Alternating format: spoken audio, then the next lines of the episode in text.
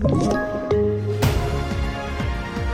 Det här är TV4-nyheterna. Tre nya ansökningar om att bränna Koranen i Stockholm under de närmaste två veckorna har kommit in till Stockholmspolisen.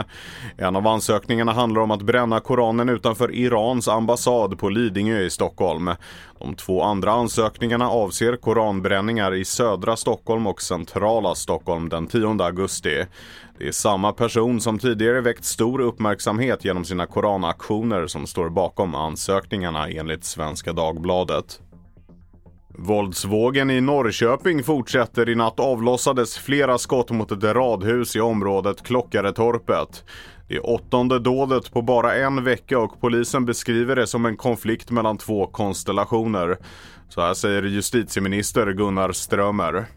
Vi ser ju, om vi jämför med andra eh, delar av landet, exempelvis Stockholm, så har vi ju sett en, en spiral av våld under en längre tid. Och Eh, det är dessvärre inte ovanligt att eh, det blir på det sättet. Det som nu krävs är förstås en mobilisering av polisen och andra relevanta myndigheter och andra aktörer för att möta en sån våldsvåg.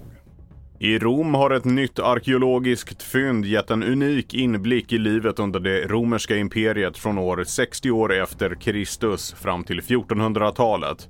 Det är den romerska kejsaren och despoten Neros teater som hittats, ett stenkast från Vatikanen. Teatern upptäcktes under bygget av ett lyxhotell och bland fynden finns bland annat bägare av färgat glas, marmorpelare och gips med dekorationer i bladguld som nu ska flyttas till ett museum. Men redan nu kan du ta del av bilderna på tv4.se. För ett par veckor sedan hittades mänskliga kvarlevor i Theodylglaciären i schweiziska Zermatt. Nu visar DNA-analysen att det rör sig om en tysk bergsklättrare som varit försvunnen i 37 år. Den då 38-åriga mannen rapporterades försvunnen 1986.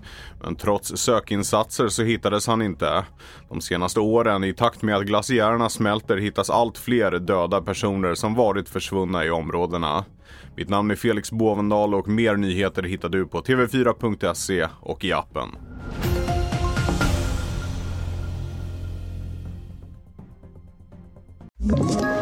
Ett poddtips från Podplay.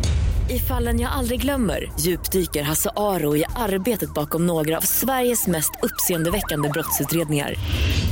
Går vi in med hemlig telefonavlyssning och, och då upplever vi att vi får en total förändring av hans beteende. Vad är det som händer nu? Vem är det som läcker? Och så säger han att jag är kriminell, jag har varit kriminell i hela mitt liv men att mörda ett barn, där går min gräns. Nya säsongen av Fallen jag aldrig glömmer på Podplay.